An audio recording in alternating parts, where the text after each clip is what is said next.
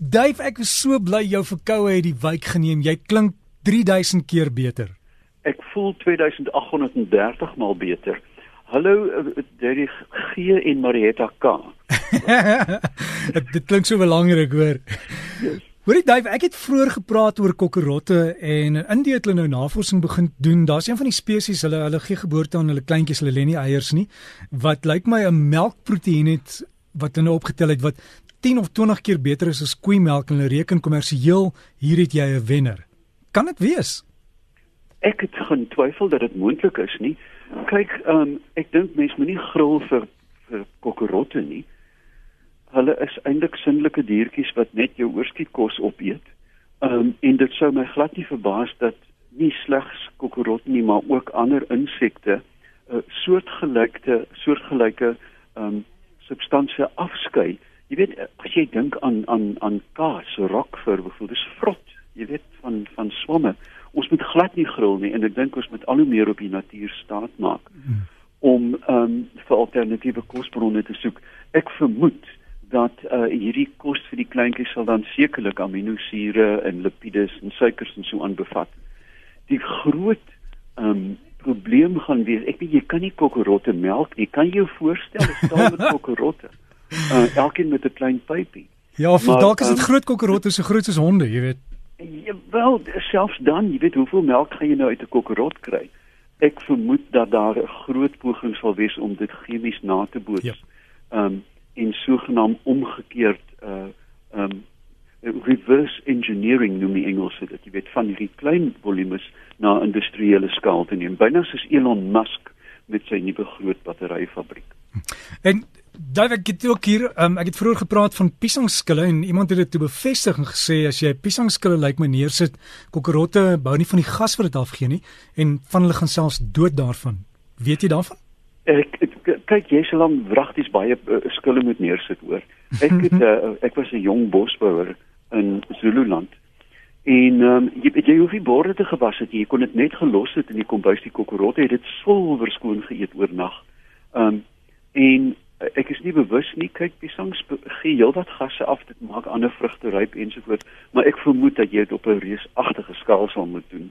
Um, en waar jy weet hoeveel hoeveel skille sal jy met hoeveel piesangs moet jy aanhou om genoeg skille per dag te produseer om jou huis van kokkerotte skoon. Nee, ek dink dit gaan nie werk. Ja, David, iemand het ook nou SMS gestuur en gesê ehm um, ek wil vir jou vra as ek as 'n kat nou wegraak of hy word in 'n motorkar iewers heen geneem en hy loop terug. Hoe kry hulle hulle rigting om weer by hulle huis uit te kom? Dis 'n baie komplekse vraag. Ehm um, kyk, diere navigeer. Met ander woorde, uh, diere het ehm, 'n um, aantal uh, prikkels van buite wat hulle gebruik. Die eerste ding is natuurlik 'n ingeboude horlosie. Dis hoekom ons straaldwaal kry, veral as jy um, laat ek nou mooi dink oosvlieg. As jy wesvlieg bly die dag net lank, as jy oosvlieg raak jou horlosie die mekaar en dan kan jy nie slaap nie. Nog 'n ander voorbeeld is dat as jy hoenders onder konstante ligtoestande hou, dan lê die stomme girls netlik aanhou eiers, jy weet, um, want hulle dink dit is somer. Ehm um, so diere het baie akkurate, ons ook, baie akkurate biologiese horlosies en daarmee kan jy dan ook begin ehm um, breedtegraad bepaal. Nie lengtegraad nie, maar breedtegraad. As jy dan daarby sit, die idee dat hulle gewoonlik ook in die nag stap, dat hulle die hemelruim kan dophou, um, is dit glad nie verbasend dat dat diere oor relatiewe kort afstande, sê nou maar 50 of 100 km, hulle huis kan kry nie. Dink jy aan voëls, dan navigeer sommige van hulle 30000 km die jaar. Hulle vlieg van pool tot pool en gaan terug na die nesie waar hulle gebore is. So dit is absoluut verklaarbaar en moontlik. En dan die verskil tussen 'n orkaan en 'n tornado?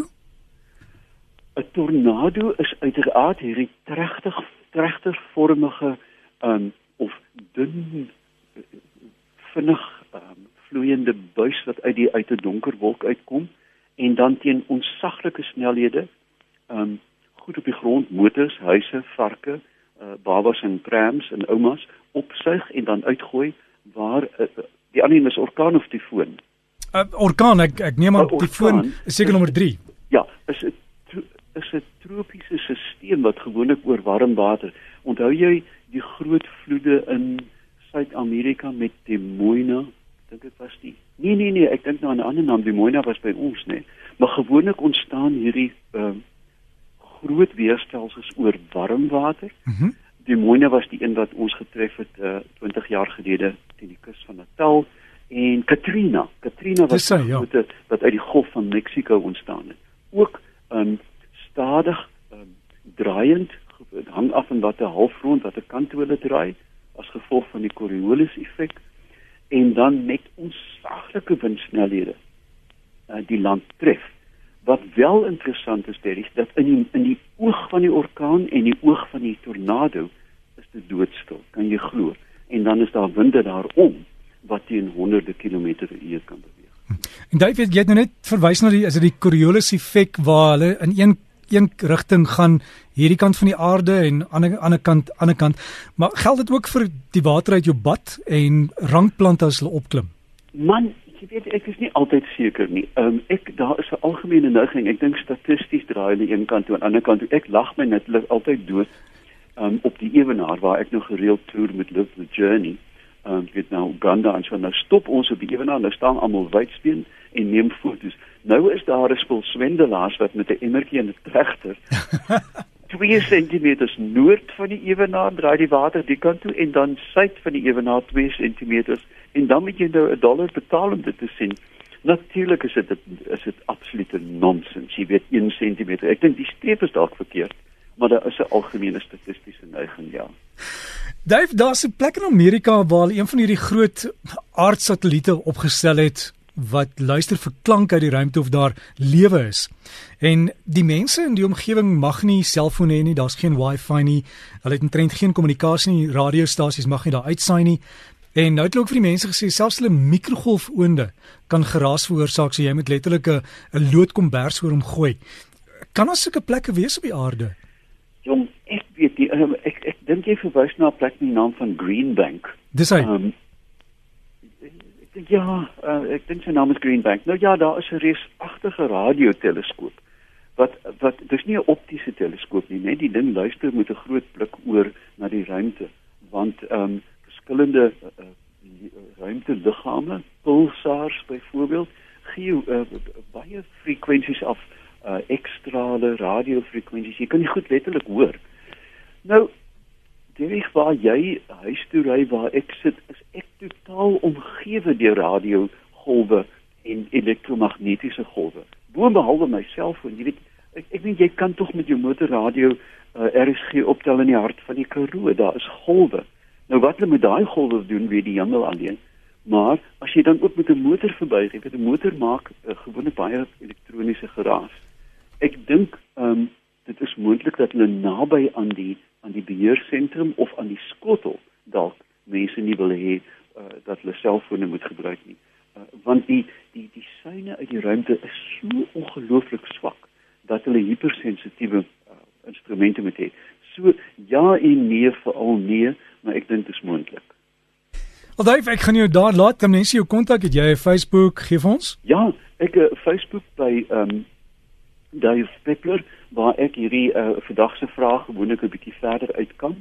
Um en ook dan ons reis uh, blad Live the Journey waar ek op pad is na Borneo volgende, maar ons kan volgende week daaroor praat. O Borneo, dis mos die plek waar die mensvreters gewoon het, is dit nie? Soos ek weet ek wil van hulle ontmoet want ek het vir hulle prooi. Wie gaan nie saamneem?